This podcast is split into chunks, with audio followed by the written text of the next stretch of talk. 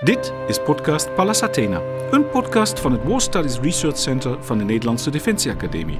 Ik ben Jurk Nol en samen met collega Trineke Palm spreek ik met onderzoekers over hun recente publicaties en belangrijkste onderzoeksresultaten op het gebied van oorlog, conflict, samenwerking en vrede. Wat staat er vandaag op het programma, Trineke? Nou, eerst maar eens, wie staat er op het programma? Vandaag verwelkomen we onze collega Thijs Brokade Saalberg. Hij was als militair historicus in 2005 gepromoveerd aan de Universiteit van Amsterdam op een proefschrift getiteld Soldiers and Civil Power: Supporting or Substituting Civil Authorities in Modern Peace Operations.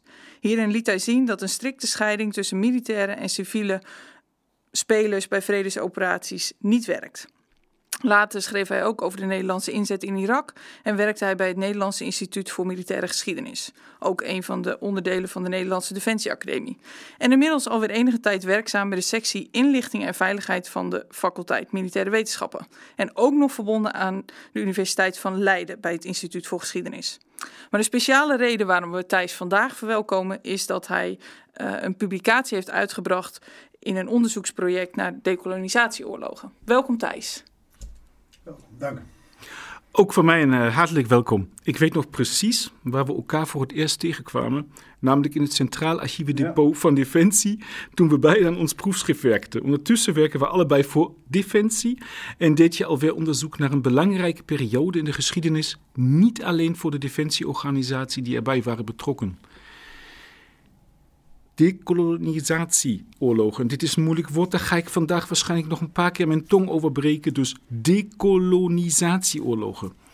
We gaan het er vandaag sowieso uitgebreid over hebben. Kun je kort uitleggen wat het project behelst?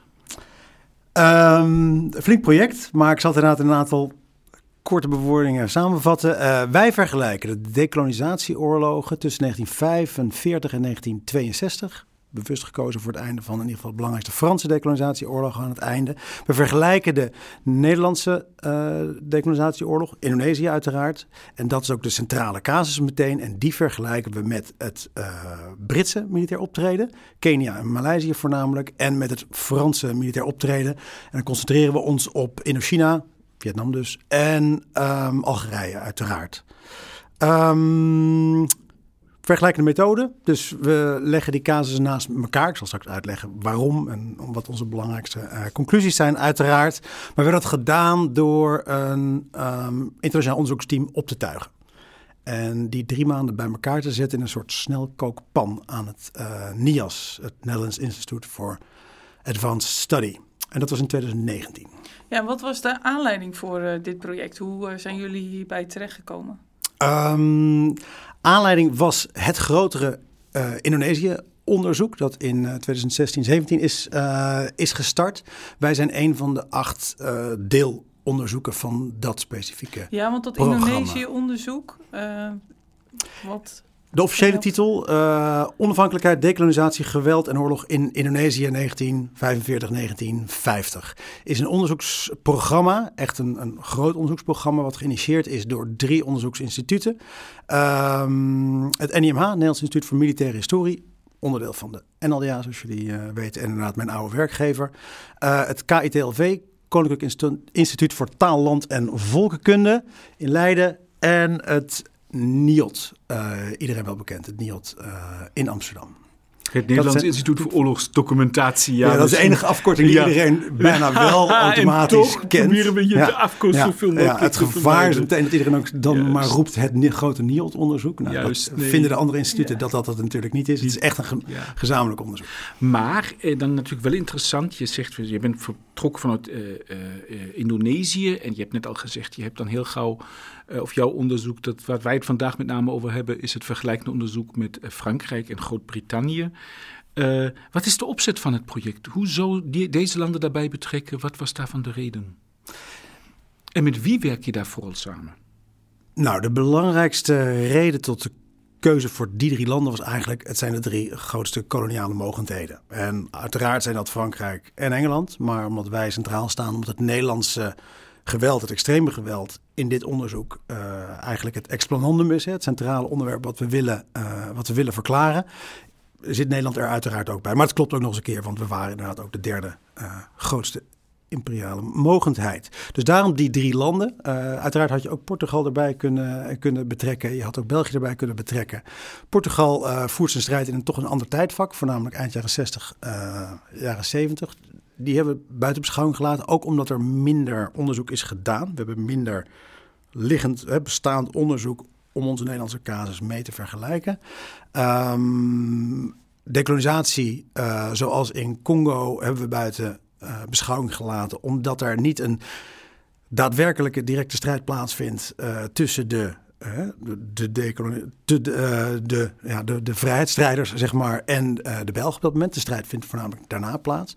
India, hetzelfde geval eigenlijk. De voornaamste strijd vindt natuurlijk daarna plaats. Op allerlei andere manieren is er natuurlijk wel strijd geleverd tegen de Britse overheersing. Maar er is niet daadwerkelijk een, een grote opstand geweest, een counterinsurgency campagne om dat te bestrijden. En dat was ons uitgangspunt counterinsurgency campagnes en het extreme geweld wat daarbinnen plaatsvond, dat is waar we ons op concentreren. En met welke instituten zo'n beetje uh, werken jullie Internationaal uh, ja, gezien, ja. Nou, we hebben dus onze, hè, onze, onze uh, Nederlandse drie instituten.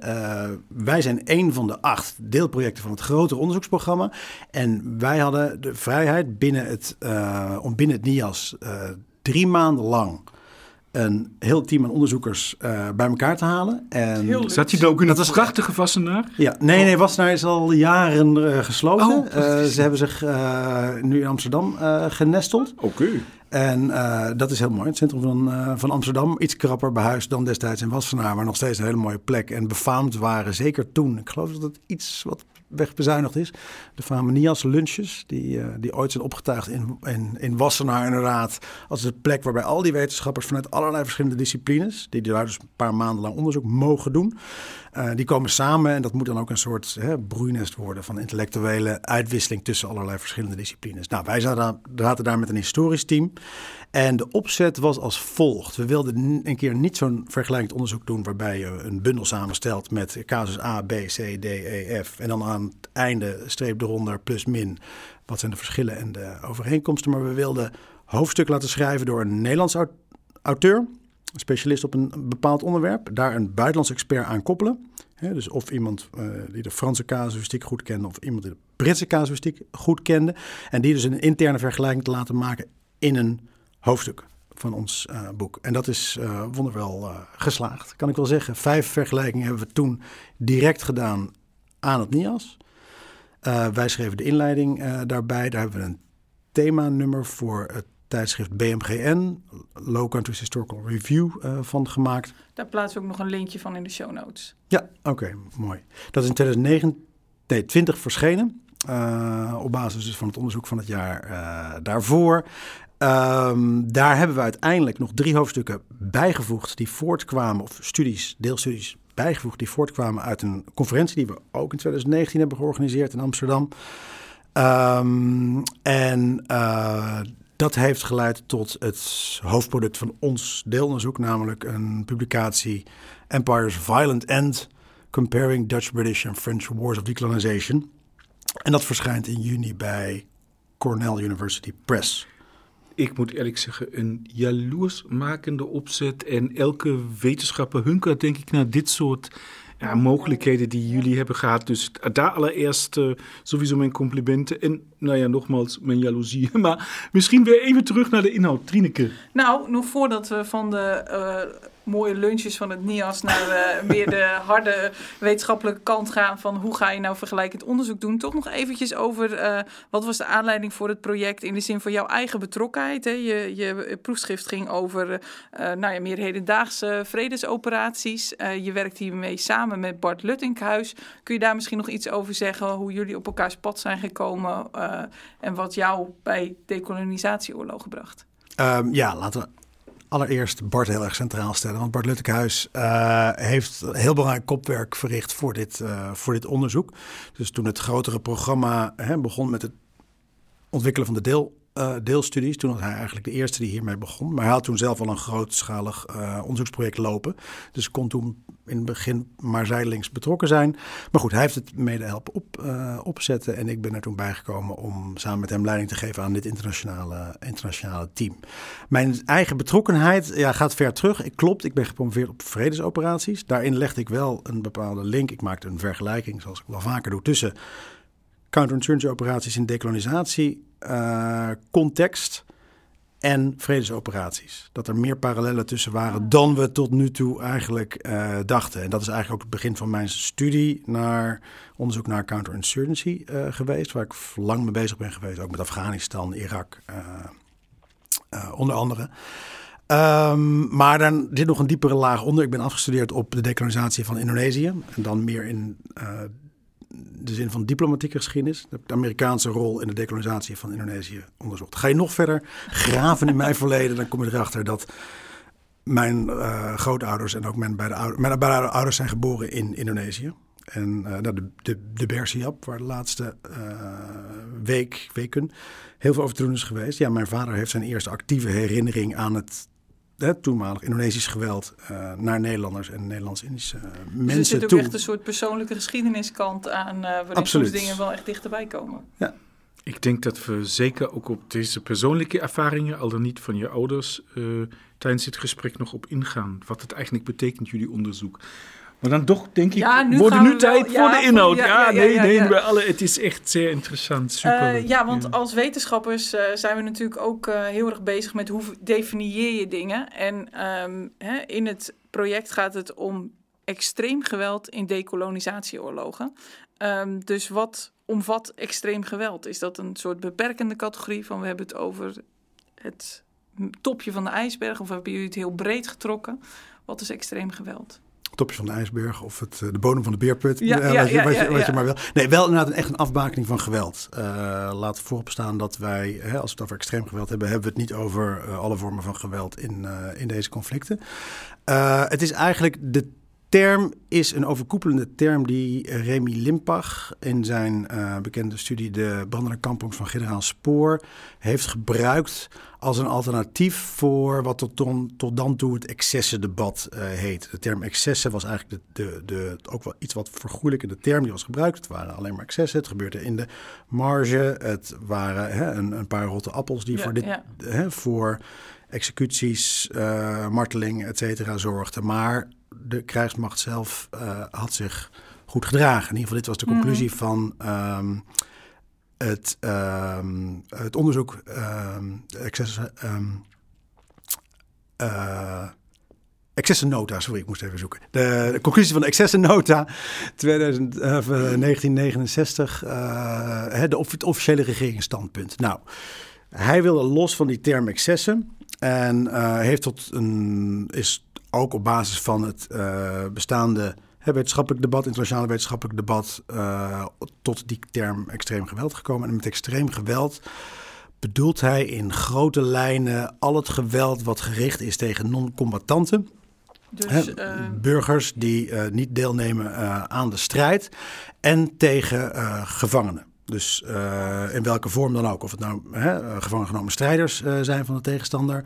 Of gevangenen, verdachten in een andere, van, een, van een andere soort. Dus eigenlijk geweld tegen, tegen hen die zich niet kunnen, kunnen verdedigen. Niet in het heetst van de strijd. Dat is een hele grote lijnen de, de definitie. En daarmee inderdaad is er gekozen voor een term die afwijkt van zowel hè, dat toch iets wat vergoeilijkende uh, excessen, want dat lijkt op het, het waren uitzonderingen. Ja, ja. Nee, zegt hij, het waren niet alleen uitzonderingen, je kan het niet alleen excessen noemen. Maar hij wilde ook niet, en wij volgen hem daarin, um, hij wilde ook niet de term oorlogsmisdaden gebruiken, want dan heb je meteen al het oordeel geveld en we kunnen niet op alle vlakken Mhm. juridiseren. We hebben ook niet voor alle gevallen precies de gegevens. Uh, om, rechter, op de stoel van de rechter te Ja, gaan. uh, maar te gaan zitten. bijvoorbeeld eh, de eh, extreem geweld in de context van de strijd tussen eh, vrijheidsstrijders of decolonisatiestrijders en eh, het Verenigd Koninkrijk, Frankrijk, Nederland, dat eh, valt niet binnen deze definitie.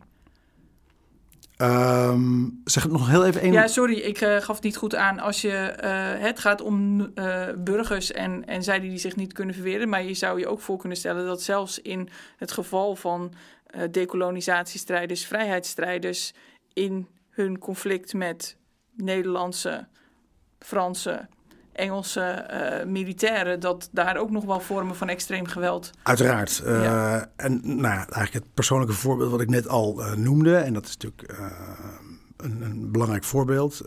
ja, van in ons geval Indonesische zijde is er ook extreem geweld gebruikt tegen dus tegen burgers ja. uh, in, Nederlandse, in Nederlandse context. En ook tegen, uh, tegen gevangenen.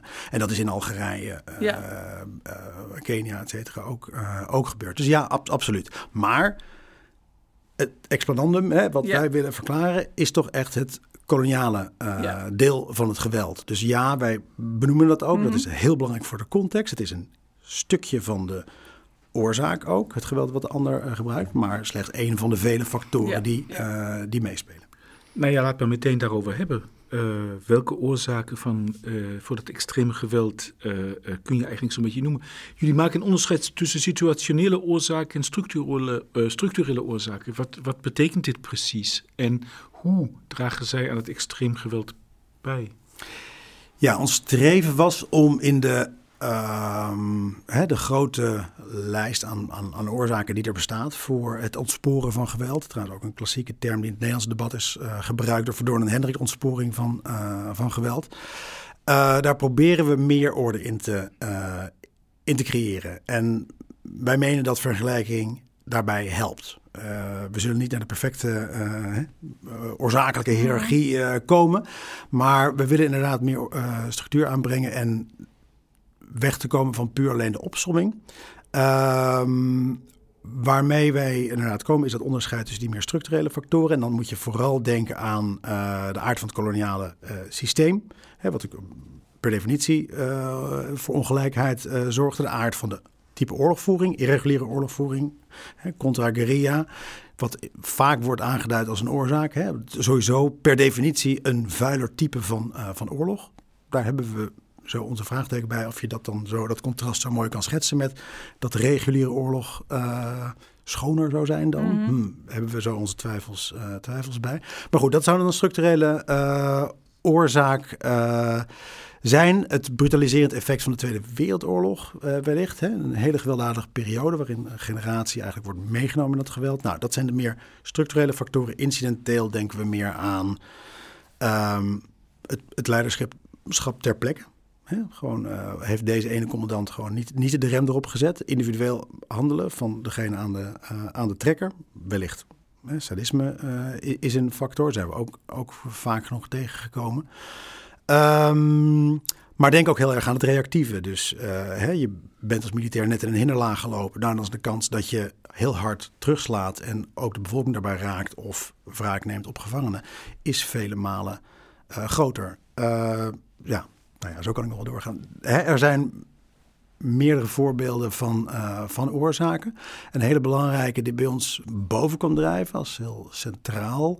En die eigenlijk heel moeilijk te plaatsen is binnen die meer structurele of meer uh, evenementiële in incidentele factoren, is straffeloosheid.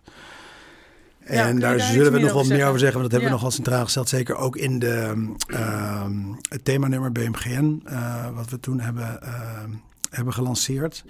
Um, wat we daarmee bedoelen is dat. Uh, nou ja, wat we daarmee aantonen is eigenlijk. Uh, het is een verbindende factor op twee manieren. Zowel binnen de casuïstiek, dus binnen de nationale casuïstiek. Dus als je zegt alleen Indonesië, dan kan je zeggen ja.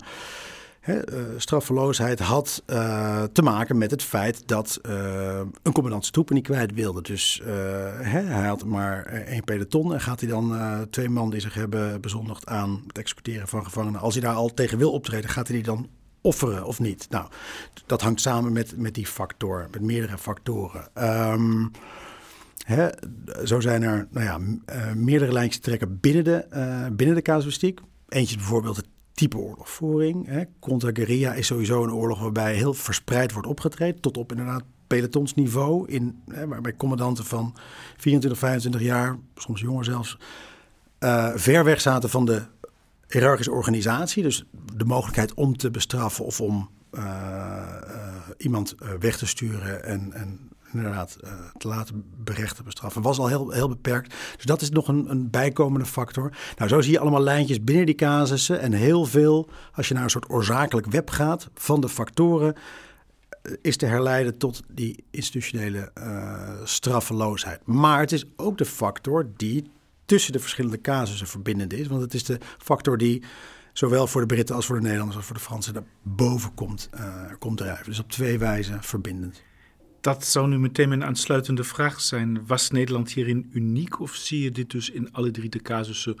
Met andere woorden, wat zijn eigenlijk de belangrijkste overeenkomsten en verschillen tussen die drie landen, die natuurlijk meerdere casussen ook omhelzen. Nou, dit zien wij dus inderdaad als een van de belangrijke overeenkomsten uh, naar, boven, naar boven drijven. Uh, over het algemeen, en dat is een heel centraal punt in onze vergelijking, um, zien wij meer overeenkomsten dan verschillen. En daarmee breken we ook een beetje met de historische nou ja, niet eens alleen historisch, maar de wetenschappelijke traditie op dit, uh, op dit gebied. Want heel vaak in de vergelijking van uh, koloniaal geweld of koloniale oorlogen zijn juist heel erg de verschillen benadrukt.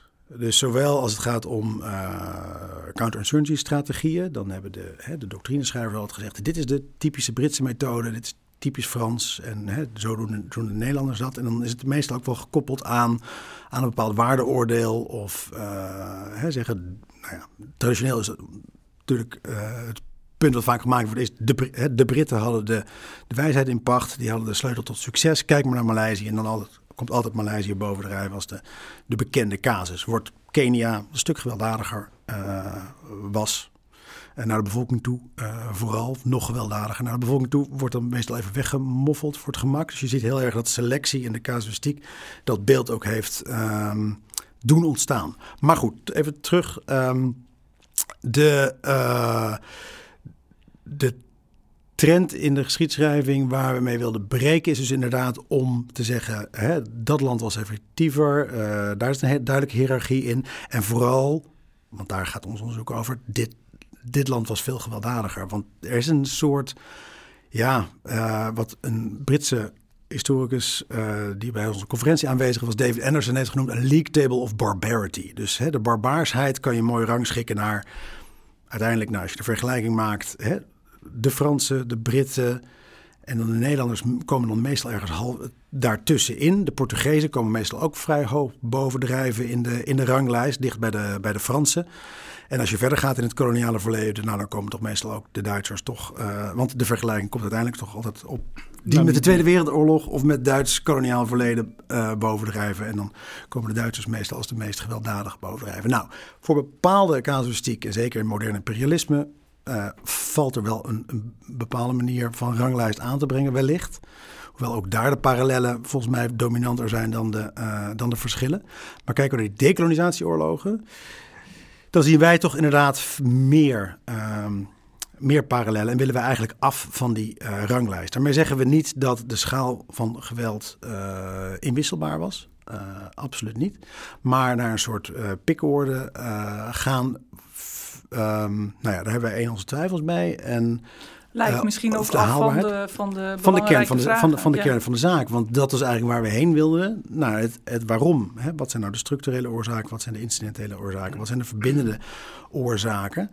En je komt dan ook op, ja, toch ook tot de conclusie, en dat is ook wel de trend in de Nederlandse geschiedschrijving, dat ja, waar wij eerst dus dachten hè, bij onderzoek, en dat, dat, doen dus bekende historici uh, als Lou de Jong, en daarvoor uh, sociaal wetenschappers als um, sociologen Van Doorn en Hendricks, die trekken snoeiharde conclusies over het Nederlands optreden. Eigenlijk bij elk stukje onderzoek wat er wordt gedaan naar hè, wat vroeger dan het excessieve geweld uh, heette, extreem geweld nu wordt het oordeel steeds harder. Hè, en dan ben je het over. Nogmaals, we hebben niet zo heel veel over de concrete voorbeelden gehad. Maar mm. inderdaad, hè, alles van um, executeren van gevangenen tot marteling, uh, tot seksueel geweld. Uh, voor de andere casuïstiek vooral ook uh, deportatie van grote groepen. In die vergelijking werd steeds een vrij hard oordeel geveld, of een harder oordeel geveld dan voorheen over Nederlands optreden. Maar de slotopmerking was in beide gevallen bij deze grote wetenschappers die ze allebei, allebei waren. Maar de Fransen waren nog erger. Of de Portugezen waren nog erger. Maar kijk eens naar de Amerikanen in Vietnam, hoe hard die optreden, hoeveel zware wapens zij wel niet inzetten tegen. En zo kom je dus, en vooral ook de Amerikaanse casus erbij, en daar is een interessante parallel naar Afghanistan, Irak, uh, noem maar op te trekken. Dan kom je dus heel snel naar die ranglijst van barbarij. En juist daar hebben gezegd, laten we nou eens even wat met, met meer afstand kijken. Dan zien we al snel meer parallellen dan we dachten. Um, en um, ja, is er, uh, kunnen we ook gewoon meer zeggen over de, de oorzaken uh, voor deze uh, ja, overschrijdingen van het oorlogsrecht. Het is, het is, je hebt net al Namibië, het toenmalige Duits Zuidwest-Afrika aangesproken en de, de moord op de Herero's. Het rare is, als je naar de Duitse geschiedenis kijkt, met name ook de Tweede Wereldoorlog, dan zie je op een gegeven moment in de jaren tachtig de befaamde historica-strijd. Uh, de ruzie tussen de historici, wie was erger, Stalin of Hitler? Om eens ook een keer te laten zien de verwerking van die Tweede Wereldoorlog. Maar zeker als het gaat om het koloniale verleden van Duitsland, wat maar heel kort was. Maar inderdaad, de moord op de Herero's is denk ik echt een, een, een diep, uh, uh, diep dieptepunt, triest dieptepunt zie je dat Duitsland ook in een enorme uh, reflex schiet, wel of niet genocide. Met andere woorden, omgang met het eigen koloniale verleden is enorm ingewikkeld en ligt uiterst gevoelig. In Nederland werd het uh, lang gebagatelliseerd en afgedaan als incidenten en excessen. En we hebben net al gesproken over Remy Limpach, die in zijn, in zijn boek De brandende kampongs uh, van generaal Spoor stelt dat het extreme geweld structureel was maar niet systematisch. Wat bedoelt hij hiermee ben je het daarmee eens? Um, Limpach heeft um, structureel centraal gesteld in zijn onderzoek. En dat is, dat is zijn verdienste uh, in, deze, uh, in deze discussie geweest. Waar eigenlijk heeft hij een nieuwe categorie gecreëerd. En hè, zoals dat wel vaker een oplossing is in, uh, in wetenschappelijk onderzoek. Maar hij heeft wel een punt. Want systematisch, dat ontkent hij niet. Dat was er. Ook in, in de Nederlandse casus. Dus het, het gebruik van extreem geweld door inlichtingendiensten en vooral ook door speciale troepen. En dan is natuurlijk de beruchte casus Westerling op Zuidse Leben, Zuid-Sulawesi tegenwoordig. Hè, recent nog verfilmd in, in de Oost. Daarvan zegt hij, ja dat is, maar dat was ook al in de excessennota van 69 was al duidelijk, dat is een systematische toepassing van dat type geweld geweest. Eigenlijk wordt het daar als een soort strategie gebruikt. Het wordt, een, het wordt een systeem. Maar de conclusie van de excessennota en van veel historici uh, in de jaren 70, 80, 90 ook nog, was dat de krijgsmacht zich als geheel toch ja, uh, correct had, had gedragen. En dat er slechts incidenteel, hè, dus slechts excessen hadden plaatsgevonden. En dat waren eigenlijk de twee hoofdcategorieën. En hij heeft gezegd, ja, die conclusie klopt niet voor de krijgsmacht als, als geheel. Tel je alles op wat er, wat er is gebeurd. En de manier waarop de krijgsmacht ermee omging, en dat was een één grote gedoog, uh, gedoogstructuur, of uh, deels ook erger, wel meegegeven als opdracht. Dan kan je niet concluderen dat dat alleen excessief was, dat het alleen maar op incidentele basis was. Er was een structuur. En dat is eigenlijk een gedoogstructuur die natuurlijk voor een, nou ja, misschien dan toch een, een, onderzoeker van iets wat van buiten. Hè, hij was natuurlijk een, hij is een halve Zwitser.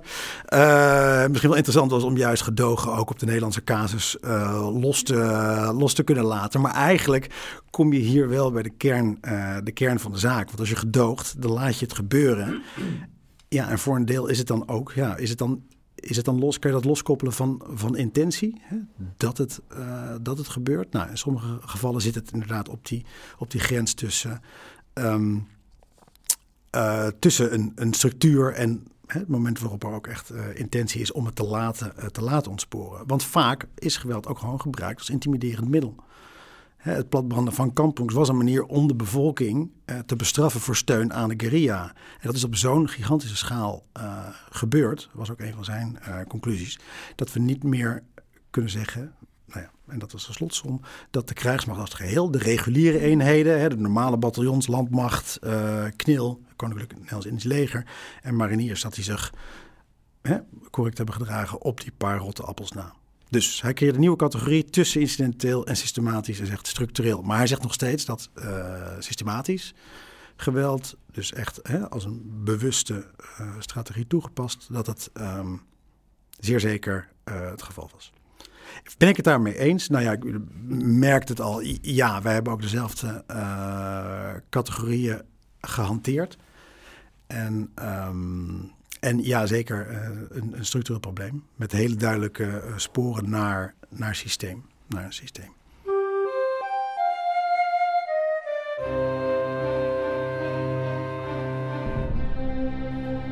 Ja, want we hebben het nu dus, we gaan toch even specifiek over de Nederlandse casus hebben. En, en dat ja, hebben jullie natuurlijk in een vergelijkend perspectief gedaan.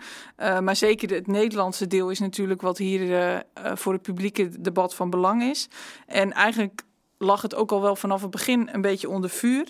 Uh, als ik de kranten van toen, uh, toen van bij de start van het project op nasla, dan uh, zag ik iets over het comité Nederlandse Ereschulden. Die toch aangeeft, nou ja, we hebben er geen vertrouwen in dat de Nederlandse staat bereid is om haar eigen fouten verleden in het gezicht te kijken. Hè, dus of het onderzoek wel onafhankelijk zou zijn. En aan de andere kant heb je ook de Federatie Indische Nederlanders, die zich juist weer zorgen maakt dat er uh, te veel aandacht is voor uh, de misdaden tijdens de dekolonisatie, maar niet voor de uh, misdaden die zijn gepleegd tegen Indische Nederlanders na de onafhankelijkheidsverklaring. Um, dus meteen al een soort druk op het project. welke keuzes maak je? Wat betekent dat voor je, voor je onderzoek? dus hoe hebben, ja, wat hebben jullie gedaan om de onafhankelijkheid, de betrouwbaarheid van jullie onderzoek ja, te waarborgen? Ja, nee, we hebben echt uh, als onderzoeksprogramma als geheel uh, vooral. Hè, en dan hebben we het over het grote onderzoeksprogramma. Uh, in volksmond bekend staat als het, ja, het grote Indonesië-onderzoek. Omdat de formele titel nog eigenlijk is, veel, te, ja. veel, te lang, veel te lang is. Um, onderzoek heeft duidelijk ja, kritiek gevangen. En, en, van die twee kanten. En... Um, ja, van, van twee flanken om het in uh, militaire termen te, te gieten. Wij hebben daar als deelproject minder te maken mee mm -hmm. gekregen. Dus onze specifieke vergelijking, ja, misschien juist door zijn internationale uh, dimensie, uh, heeft minder vuur getrokken. Um, maar dat het van die twee kanten kwam, ja, was voor een deel voorspelbaar. En het, ja, om nog even te schetsen. Hè? De ene groep die zegt vooral van ja, maar als je Nederlandse uh, geweld uh, wil verklaren, dan kan je niet beginnen in 1945. En dat staat nou eenmaal in jullie titel. Dus daar klopt niks van. Je moet in, uh, bij de oprichting van de VOC 16.1 moet, je, moet je beginnen minstens. Om die hele legacy, die hele aanloop van koloniaal geweld te duiden inderdaad. En nee, hebben wij gezegd, ja, dat kunnen wij niet. We zullen dat zeker meenemen in inleidende stukken. Maar we concentreren ons op die kernfase. En inderdaad op, uh, op de andere flank, en dat is vooral uit de, nou, ik, ik, zal niet zeggen meteen de hele Indische gemeenschap, uh, hè, want daar zal mijn, mijn vader dan formeel ook, uh, ja, ook toe, toe, behoren. Maar goed, hij vertoont ook wel die reflexen, maar vooral dus FIN, die organisatie die je net noemde, die zeggen ja maar ho ho, je moet die Bersiap, het geweld tegen de Nederlanders, veel centraler stellen. Want die neigen ernaar om dat toch wel als de hoofdoorzaak, als de hoofdaanleiding van Nederlands geweld en vooral de Nederlandse geweldontsporingen te zien. Want het was reactief. Nou, daar uh, valt nog wel wat op af te dingen, zoals ik net al zei, omdat er een heel palet aan oorzaken is. En het is best moeilijk om uh, het geweld in oktober, november 45 te koppelen aan het optreden van een Nederlandse militair in 1949, die met zijn eenheid zwaar over de schreef gaat met executies op hele grote schaal, platbanden van dorpen, is hij nog bezig met het geweld, inderdaad, waar nou ja, geval ook mijn vader uh, als, kind, uh, als kind middenin zat, met mijn oma, hè, die net de Japanse bezetting had meegemaakt. Valt dat zo direct aan elkaar te koppelen? Ja, hè, het is een van de vele lijnen in de verklaring. Is dat, van. Niet, is dat niet ook altijd een beetje het dilemma van de historicus? Of je concentreert je op de grote lijnen, de hoofdlijnen, of je probeert de individuele gevallen juist ook centraal te stellen. Hebben jullie dat ook in je onderzoek gedaan? Ehm, ja, de schaal van ons onderzoek. Uh, hè, we moesten natuurlijk. Uh, nou, het zijn het? Zes conflicten staan centraal in de vergelijking. En we hebben nog een paar hè, andere casussen erbij betrokken. Uh, bijvoorbeeld bij het gebruik van zware wapens hebben we ook gebruik gemaakt van niet-koloniale counterinsurgencies, om ook die vergelijking te trekken. Door die enorme schaal uh, heb ik in dit onderzoek met mijn team niet heel veel op individueel niveau onderzocht. Maar dat heb ik wel in eerdere onderzoeken gedaan. Ik heb een heel uh, artikel een keer geschreven op basis van ervaringen van één luitenant. Wat ik nog steeds trouwens graag wil gaan gebruiken voor onderwijsdoeleinden binnen onze uh, omgeving. Want wij geven natuurlijk les aan hè, de toekomstige officieren. En juist deze pelotonscommandant hele briljante man trouwens, die ik heel goed heb leren kennen. Uh, hij is oncoloog in Amerika geworden in de jaren 50. En, uh, en ik ben in, nou, een jaar of zes geleden met hem in zeven jaar geleden met hem in contact gekomen. Intussen is hij overleden. Maar hij heeft een prachtig dagboek geschreven over die tijd. En hem heb ik uh, geïnterviewd. Dus ik had zijn dagboek, zijn memoires en, zijn, um, en het interview. En op basis van die drie ja, bronnen, verschillende bronnen, heb ik zijn verhaal ontrafeld uh, in, een, uh, in een studie die gepubliceerd is anderhalf jaar geleden. En daar duik ik juist heel erg eigenlijk met dezelfde analytische, met hetzelfde analytische raamwerk van structurele oorzaken en meer incidentele, evenementiële oorzaken, duik ik eigenlijk uh, in het verhaal van deze, deze officier. Die zelf heeft toegegeven dat hij ook tot twee keer toe iemand heeft laten executeren. dat hij ook heeft waargenomen dat er niet deel heeft genomen aan, maar wel uh, heeft geconstateerd dat er veel en vaak gemarteld uh, werd door Nederlandse militairen. En dit was een, een gewone oorlogsvrijwilliger die leiding gaf aan dienstplichtige uh, boeren, hè, zoals je het zelf zei, boerenjongens uit Groningen, Drenthe en, en, en Friesland, die nog nooit buiten hun gemeentegrenzen waren gekomen en nu opeens daar waren. En hij zegt: Nee, mijn mannen hebben, zijn nooit over gegaan. Maar zelf heb ik wel tot twee keer toe de opdracht gegeven. Oh ja, en ik heb zelf ook nog een keer het genadeschot gegeven aan iemand die ik dacht dat hij, een Indonesiër waarvan ik dacht dat hij toch niet zou overle uh, overleven. En hij is daar als medicijnstudent hè, toen. Hij is halverwege zijn studie gestopt, oorlogsvrijwilliger geworden, naar Indië gegaan. Uh, ja, ik, ik, ik, ik, zie je kijken. Dat ik, ik vind het een heel fascinerend voorbeeld. Ja, dus ik, absoluut. Ik, ik Het- praat, het ik hier beetje- graag ja, over. ben- maar inderdaad, dit is het micro-onderzoek. Wat ik inderdaad koppel aan dat meta-onderzoek, zeg maar. op vergelijkend niveau. En juist die twee benaderingen, die helpen me wel. Want waarom is deze man ook zo fascinerend? Hij schrijft in zijn dagboek al over de vergelijking met het nazi-optreden in Nederland. En hij maakt de vergelijking tussen nazi-praktijk in Nederland en het optreden van, Ne- van Nederlanders die dat hebben meegemaakt. Hij zegt, jongens die de Duitse bezetting hebben meegemaakt, gaan hier ook zwaar over de schreef. Die vergelijking of die vraag wordt natuurlijk vaak aan het Indonesië onderzoek Ja, en dat is de, de verboden metafoor. Zo is hij wel genoemd al. Want als je die maakt in de jaren tachtig, dan, dan, dan had je eh, stront aan de knikker met alle veteranen. Eh, nou ja, niet alle veteranen, maar met, een, met het meest vocale deel van de veteranen. Die toen net gepensioneerd waren, boos waren vanwege al die aandacht van hè, Lou de Jong. Die moest toch gewoon Duitse geweld tegen Nederlanders onderzoeken en niet ons geweld tegen anderen. Want dat deed hij dus wel in eh, de laatste delen van, van zijn werk. En die werden heel boos. En als je die vergelijking al durfde te maken, dan kon je ook een, een proces aan je boek eh, hè, eh, verwachten. Eh, en dat is, ook, dat is ook gebeurd. En dan is het heel interessant om in ego-documenten, die we steeds ja, meer ja. onderzoeken, waar we ook databases van hebben ontwikkeld, hè, zowel bij het KTLV als het, als het NIMH, de, de beide onderzoeksinstituten, zijn er hele mooie, mooie collecties ontstaan van, eh, van databases. En die helpen ons enorm hierbij. En dan zie je inderdaad, en dat noemen wij ook in ons, ook in ons grotere onderzoek. Hè, dus ja, dat doen we dan weer wel. eh, noemen wij die vergelijkingen die ze trekken. Hè, we zijn hier net eh, de Duitse bezetter, is dus het citaat wat ik voor de titel heb gebruikt. Alleen werkt de ondergrondse hier in Indonesië een stuk beter. Dat laatste vond ik wel een interessante, eh, ook weer een hele interessante eh, vergelijking. Maar op die manier maakt hij die vergelijking. En dan is het interessant, als we dan toch weer over vergelijken hebben, om dat weer eens internationaal te bekijken. Want dan zie je dat ehm, voor de Fransen, een van onze onderzoekers, Raphaël Branche, echt een van de autoriteiten in Frankrijk eh, voor de Algerijnse oorlog.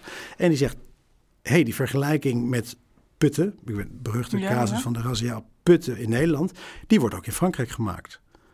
Ouradour is daar de bekende casus van een dorp wat eh, door troepen die uit Italië komen naar Normandië moeten om te vechten. Die treden dan snoeihard op tegen, een, eh, tegen de Franse bevolking als een strafcampagne.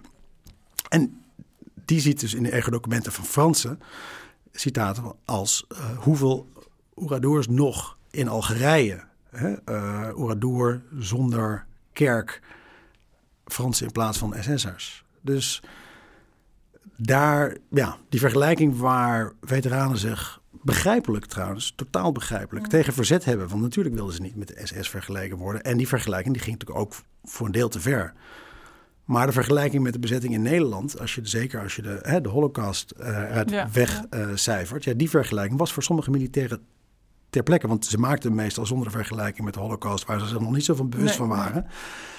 Was die vergelijking opeens op ieder geval een aantal punten heel relevant. En dus En- inderdaad, die luitenant Hoogstraten, die, die maakte hem en die maakte hem op een snoeiharde eh, wijze. En niet in zijn memoires, maar gewoon in zijn dagboek ter plekke. En dan ja, zie je dus dat dus de situationele en het structurele ook weer samenkomen. Want op grotere schaal is dat dus dat brutaliserende effect misschien ook wel geweest van die Tweede Wereldoorlog. Ja, ja, dat is echt iets wat hij heel duidelijk signaleert. Ja, ja. Dus eh, nee, dat was voor mij was dat dit echt. want ik heb het geschreven nadat ik eh, de eerste publicaties heb gedaan op basis van die vergelijking.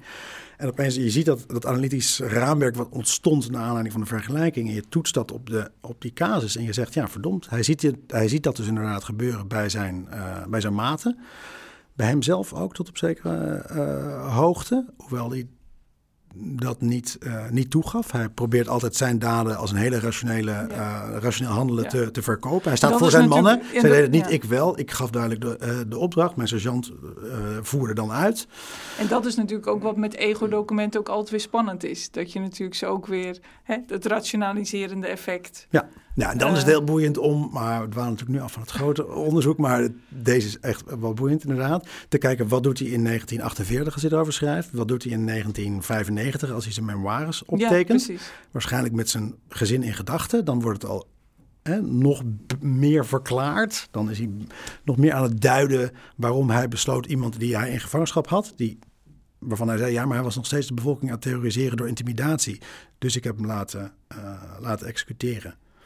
Ehm, eh, dat probeert hij dan helemaal in te kleden en goed te praten. En dat doet hij inderdaad ongeveer in dezelfde vorm in een interview met mij, eh, met mij ook.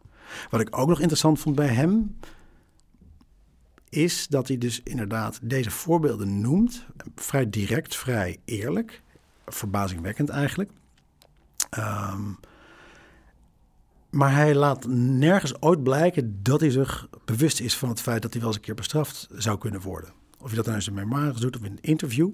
En wat ik mezelf kwalijk neem erbij, dat ik natuurlijk niet heb doorgevraagd en dat niet keihard heb gevraagd.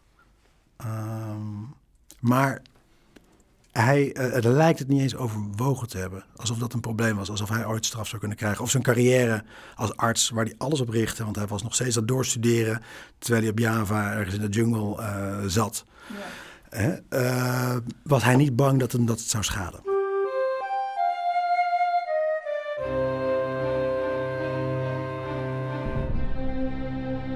Nou, maar nu zitten we weer op de straffeloosheid en het individu. Ehm, maar uiteindelijk is het eh, centrale concept ook meer de geïnstitutionaliseerde vorm. Dus toch ook weer de, hè, dat structurele, het systematische.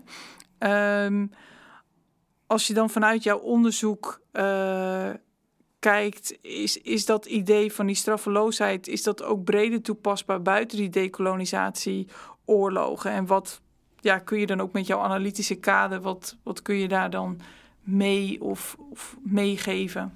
Ja, dan laat ik eerst nog even ingaan inderdaad op wat we daar, ehm, hoe we dat zien eh, voor Indonesië en, en andere casussen. Ehm, het, het boeiende eraan is dus, je ziet het op, op laag niveau, die angst voor straf is, is nauwelijks aanwezig. En ik, de, een van de belangrijkste verklaringen daarvoor, denk ik, komt toch echt van het hoogste dek.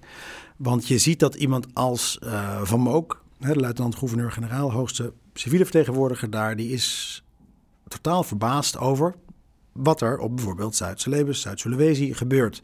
Hè, eh, onder leiding van, eh, van Westerling. En een aantal van zijn ondercommandanten die zaken nog sterker uit de, uit de bocht laten vliegen. Hè, uiteindelijk zijn de cijfers van 3.500 tot 5.000 executies gepleegd daar. Dat is natuurlijk in een tijdspanne van drie, drie maanden. Dat is, dat is gigantisch. Hij ziet dat. Hij krijgt die rapporten en hij maakt de vergelijking trouwens met de Japanse bezetter. Japanse methode, uitroepteken. Maar hij doet niets. Spoor, geen hoogste generaal aanwezig daar, sleutelfiguur uh, in de hele, hele campagne, is permanent zijn morele verontwaardiging over de rapporten die hij krijgt over excessen, om de term van toen uh, maar te gebruiken, is constant die verontwaardiging aan het, uh, aan het uiten. Uh, boze orders aan het geven van dat dit echt niet meer kan. Maar op het moment dat hij de macht heeft om in te grijpen, doet hij niks. Als op een gegeven moment inderdaad hè, de major die verantwoordelijk is voor de massamoord bij Rabakadé. en of dat nou 120 Nederlandse cijfers of 431 Indonesische cijfers slachtoffers zijn geweest. Dat is nog, niet, nog steeds niet duidelijk. Maakt ook weer duidelijk hoe moeilijk trouwens te kwantificeren is. En daarom ook hoe moeilijk de cijfers te vergelijken zijn. Maar hij weet dat op grote schaal is geëxecuteerd daar.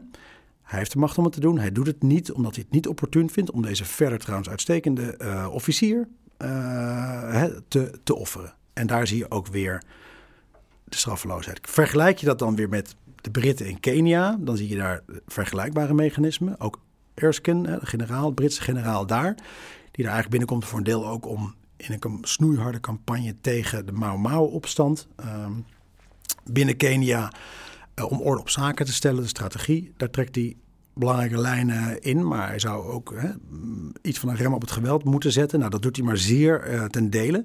En de massale marteling door vooral ook hè, Keniaanse hulptroepen die de Britten inschakelen, onder Brits commando overigens, uh, die laat hij ook gebeuren. Hij is dan nog eerlijker dan, dan Spoor in zoverre dat hij het signaleert uh, en dan erbij zegt: ja, we hebben deze mannen te hard nodig om ze, uh, om ze hard aan te pakken. Hun, hun loyaliteit is zo belangrijk voor deze campagne. We hebben maar 12.000 Britse militairen of officiële militairen. En die hulptroepen tienduizenden, die zijn zo belangrijk. Uh, die willen we niet tegen het harnas, uh, ons tegen het harnas injagen. Dus geen bestraffing. Nou, dat zie je voor de meerdere campagnes zie je dat, uh, zie je dat optreden. Maar in hoeverre is dat dan uh, dus Universeel ook, ja, of in ieder geval andere casuïstiek ja, toepasbaar? Ja, dat was je ja, vraag. Ja, buiten, ja, goed dat je me zeker bij de les, omdat jij, bij de les, uh, bij de les houdt. Ja, ja. zijn we voor. Zeker Uh, omdat je ook ervaring hebt met, met inderdaad het onderzoek naar counterinsurgency en uh, wat misschien voor de, dit moment ook wel relevant ja, nou, dat is een hele grote, een hele grote stap die je, die je maakt. Ik bedoel, uh, op, op uh, basis van wetenschappelijk onderzoek uh, kan ik daar geen Nee, en nee, nee, nee. conclusies over maken. Maar het is wel heel interessant om te ke- bekijken wat er nu ja, bijvoorbeeld gebeurt in Australië. is een bekend voorbeeld natuurlijk. Hè? Special Forces hebben geëxecuteerd in de context van Oersgan. Dat is heel dicht bij, bij ons, ons optreden. En ja, zoals Niels Roelen, jullie allemaal wel bekend, uh, hè, Nou, voormalig, weet- voormalig officier, ehm, Tegenwoordig schrijver, columnist. columnist, eh, toenmalig officier in, eh, in Afghanistan, nog eens een keertje luid en duidelijk zei. Ik kan zeggen wat van de Aussies, hè, die ik trouwens zeer respecteerde, daar zei hij, eh, maar hè, ik was gechoqueerd door alles eh, wat ik eh, las en hoorde over die executies. Belangrijke documentaire over verschenen. En die zijn er dus geweest op vrij grote schaal. 14, 18 slachtoffers, als ik het uit mijn hoofd kan eh, herinneren, van executies daar. Hij zegt, maar ze worden wel aangepakt. Het had niet veel gescheeld of ze hadden ook, eh, hadden ook hè, waren ook vrij, eh, vrij uitgegaan. Maar uiteindelijk is het toch, eh, op basis van een belangrijk signaal, zijn ze toch ehm, eh, tot veroordelingen eh, gekomen. Of in ieder geval eh, belangrijk onderzoek wat nu nog steeds eh, voortgaat. Nou, eh, ja, straffeloosheid. Het zal in veel gevallen ook in, in de moderne campagnes hebben, eh, hebben bestaan. Of het Irak of Afghanistan is. Ehm, maar ehm, ja, dan moeten we natuurlijk ook naar onderzoek kijken. Zoals het bij de Amerikanen plaatsvindt, zoals het bij de Britten, Britten plaatsvindt. En je ziet, ja, er zijn zaken, maar ik ben benieuwd of, ehm, Of er nog meer zaken op, uh, opduiken. Zijn er, zijn er lessen te trekken? Nou, meer vanuit die analytische, het analytische kader van wat zijn nou... Hè, je noemt steeds die uh, meer structurele condities die daar uh, meer of minder aan hebben bijgedragen. Daar kunnen misschien wel parallellen zitten. Dat je zegt, oh, hiervoor moet je opletten. Of als we dit zien, dat maakt dat de kans op straffeloosheid wel groter. Ja, nou, ik denk dat er intussen wel behoorlijk wat, uh, wat aanpassingen aan het systeem uh, zijn geweest. Ik bedoel, de geweldsinstructies zijn vele malen uh, duidelijker. We hebben een veel kritischer pers. tegenwoordig laat dat voorop staan. Hè? Want dit kan allemaal. Dit kan ook allemaal bestaan doordat er, dat zit heel mooi in een hoofdstuk, wat um, Hugh Bennett, Brits expert voor vooral de Kenia-casus, met Peter Romein heeft geschreven. Die heeft de Kenia-casus uh, op verschillende niveaus hè, vergeleken met de Nederlandse casus om te kijken dat uiteindelijk op politiek niveau er ongelooflijk uh, ja, duidelijk en heel structureel een oogje wordt toegeknepen. Men wil het eigenlijk niet weten. Maar wat hebben we ook nog eens een keertje? Een pers die eigenlijk heel erg volgzaam is. In de Britse context, weinig kritische pers en zeker ook in de Nederlandse context. Dat er in Nederland trouwens nog iets meer schandalen boven komen drijven dan in de Keniaanse uh, casus, komt deels doordat we hier een iets nou ja, een, een iets duidelijker versnipperd medialandschap hebben met iets meer verschil, met verzuiling, met iets duidelijkere verschillende uh, stemmen. Maar je moet eigenlijk alleen maar bij de uh, communistische partijen in het parlement uh, zijn of, of bij de echte hele sterke linkse media voordat je echt kritisch, kritische geluiden hoort. Dat is intussen natuurlijk wel anders, want de media zit er, nou ja, zeker na een paar jaar embedded uh, zijn ze steeds meer onafhankelijk gaan optreden. En ja, is er meer onafhankelijk uh, geluid. Maar goed, um, ja, de toekomst uh, zal het leren. Laat ons dat concreter maken. Je riep net al van, uh, met name ook het dagboek, uh, dat, dat zou je heel graag in het onderwijs ook willen gebruiken.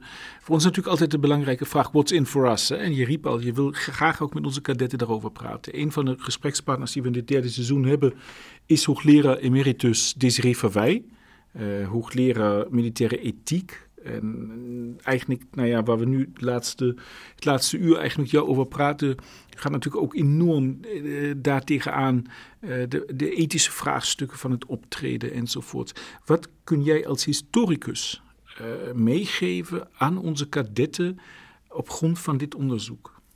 En wat zou je graag mee willen geven aan onze kadetten? Maar niet alleen onze kadetten, ook onze, ik zeg maar, hoge defensievorming, middelbare defensievorming. Ja, nou, ik ben bang dat uh, een belangrijk aspect daarvan zal zijn uh, mijn uh, toch iets duisterder mensbeeld wat is ontstaan aan de hand van, van dit onderzoek. nee hoor, niet, ik wil het niet overdrijven, maar ehm, het idee dat iedereen over schreef kan gaan en dat de omstandigheden daar echt leidend in zijn. En dat is toch wel heel erg duidelijk komen bovendrijven. Ik bedoel, hè, mijn, uh, de bevriende officier hè, die ik daar heb gesproken, ja, dat voorbeeld toch weer, toch weer aanhalend. Um, is denk ik een hele belangrijke om daarin uh, in te zien. Uh, hij hè, signaleerde vele officieren om me heen die nog veel, vele malen verder gingen dan hij. Maar het was vrij normaal geworden. Dat was het brutaliserend effect inderdaad van militair optreden. Neem dat als uitgangspunt en breng dat onze officieren gewoon bij. Dat, dat het niet zo is dat de eh, Duitse militairen in die context van toen nou eenmaal zo, zo waren. Nee, hè, als je goed vergelijkt, als je die casus in de diepte uh, onderzoekt, dan zie je dat, dat Nederlandse militairen dus ook op structurele basis over de, over de schreef gaan. En nogmaals eventjes voor de duidelijkheid, dat betekent dus niet dat de meerderheid van de Nederlandse militairen over de schreef is gegaan. Maar het is wel een structureel probleem geweest. En probeer dat in, in het onderwijs duidelijk te krijgen. En probeer ook die valkuil uh, uh, niet uh, recht in te gaan zoals we dat toch in de Oersgan-tijd lange tijd wel hebben gedaan. Namelijk van die vergelijking van, ja, wij zijn toch eigenlijk beter dan zij. Want dat deed toch wel heel erg denken aan ook weer die reacties in 1969 op hè, de, de. Nou ja, we hebben het niet eens over hem gehad. Joop Hutting wordt altijd genoemd als de bekende. Hè, de militair die uiteindelijk uh, de klokkenluider was. die de, hele debat heeft opgestart. Wat was de reactie van een aantal veteranen uh, die woedende brieven naar de VARA stuurden voor zijn televisieoptreden over uh, extreem geweld, oorlogsmisdaden? Was Nederlandse jongens doen dit niet. Amerikanen, het was Vietnam. Hè? Amerikanen doen dit. Uh, de Fransen, Algerije was nog heel heet, zeven jaar daarvoor pas afgelopen, doen dit. En uiteraard Duitsers doen dit, maar Nederlanders jongens doen dit niet. Nou, dit was een hele extreme. Een bekend citaat, intussen wordt vaak aangehaald. Maar die neiging om voor Irak, Afghanistan toch heel snel te denken van ja, maar ho, ho Amerikanen treden nou eenmaal zo op zijn, ze, ze worden nou eenmaal zo opgeleid. Bij ons gebeurt dat minder snel wacht maar tot je, hè, wacht maar tot die specifieke situatie waarin de druk op de ketel zo hoog wordt dat de reflexen toch ook wel vrij hè, radicaal militair en extreem uh, gewelddadig worden. Daar hebben we voor microcasuïstiek, Afghanistan, uh, Irak ook wel voorbeelden van. Dus dat is de waarschuwing van een militair historicus. Ja, en daarin dus gewoon kritisch uh, uh, te blijven en dat vooral in de opleiding uh, mee te geven. Ja, nou, en je richt je niet te veel, dat is een hele kleine ding om mee wil geven, richt je niet alleen te veel op die toegepaste rapporten over hoe het beter kan. Hmm. Maar ga toch ook eens een keertje echt ja. diep, hè, ook op dat individueel lagere niveau, ja. naar die studies toe, die conflicten echt ontrafelen tot op het niveau van een man in het schuttersputje of in de, in de jungle. Om ook iets meer begrip te krijgen van het brutaliserend effect ga naar die, harde, uh, die hardere studies. En vaak zijn die in historische hoek te vinden. Ja, en uh, jullie uh, grote rapport komt dus later dit jaar richting de zomer uit. dat is het boek, ja. Ja, precies, bij Cornell University Press. Um, ja, wat, wat voor vervolgonderzoek zit er nog aan te komen? Wat zijn dingen waarvan je zegt, ja, dat, dat hebben we niet kunnen doen, maar zou voor vervolgonderzoek wel, wel nodig zijn? Um, ja, er zijn veel deelonderwerpen die we uiteindelijk um, die we hadden willen uitwerken. Um, Eén deelaspect, ja, je hebt altijd voorbeelden zat, maar één deelaspect wat we niet in de diepte hebben kunnen vergelijken was ja, uh, een beetje rauw, maar marteling. Omdat echt een keer, dat hebben we wel in grote lijnen uh, voor het slotwerk uh, van het grote Indonesië-onderzoek, hebben we dat samengevat. Maar daar kan zeker nu er nieuw onderzoek is gedaan door uh, in dit geval ook weer Remy Limpach naar marteling in de Nederlandse context, kan dat eens een keertje meer, maar dat kan nu pas, nu dat er is, in de diepte worden onderzocht uh, en vergeleken met de Franse casus, maar ook eens een keertje met de Britse casuïstiek. En wat Want, zou je daar dan van verwachten? Wat, waarom is dat zo? Nou, toch hardere uitspraken over uh, structureel uh, ja, versus precies, systematisch. Wat was nou uiteindelijk het, wat was het doel van, van marteling? Want marteling gaat vaak om veel meer dan het uh, dat is ook een van de belangrijkste resultaten van al het onderzoek naar Algerije bijvoorbeeld. Het gaat om meer dan alleen inlichtingenvergaring. En dat is toch vaak wat wordt gezegd. De tikkende tijdbom, hè, motief, uh, inlichtingen, zodat we kunnen ingrijpen. Nee, marteling is vaak een systeem wat voor meer staat. Wat ook een soort collectief bestraffend effect heeft. Was dat voor de Nederlandse casus ook op die manier? Of kan je dat voor deze, dit geval niet zeggen? Ja, op die manier kan je verder. En één vergelijkend deel wat we niet hebben, echt niet hebben kunnen doen. Ja, ga eens een keertje toch meer naar die Indonesische, Keniaanse, Maleisische kant, hè, Maleisische kant. En ga vanuit die vergelijking eens een keertje vanuit die kant goed optuigen. Want dat was, dat constateerden we al in 2019, hetgene waar we toch niet echt aan toe waren gekomen. We hebben dat alleen maar als een factor kunnen gebruiken, hun uh, geweldstoepassing. Uh, bij het verklaren van ons geweld. Maar ga, neem dat dan eens een keertje als het startpunt. En als het ex expandandum. Uh... En dan kun je met Indonesische onderzoekers, ja. als ze er klaar voor zijn, ja, dat klinkt flauw, maar dat is natuurlijk niet het eerste waar ze zich op, op richten. En met Vietnamese onderzoekers, uh, het Algerijnse onderzoekers, verder komen. Maar ik hoop dat we, ja, tegen dat als dat gebeurt, dat type onderzoek, dat we ook meer kunnen samenwerken weer. En wellicht uh, kan het niet als uh, het weer faciliteren. In het prachtige Amsterdam. Dit was Pallas Athene, de krijgswetenschapspodcast van het War Studies Research Center van de Nederlandse Defensie Academie. Vandaag was bij ons te gast Thijs Brocades Zaalberg met zijn onderzoek naar de decolonisatieoorlogen in niet alleen Indonesië, maar ook vergelijkend Frankrijk en Groot-Brittannië. Het ging over extreem geweld en geïnstitutionaliseerde straffeloosheid. En ondanks uh, zijn duister mensbeeld naar aanleiding van zijn onderzoek was het een boeiend en zeer leerzaam gesprek. Veel dank hiervoor, Thijs. Dank, Trineke en Jurk.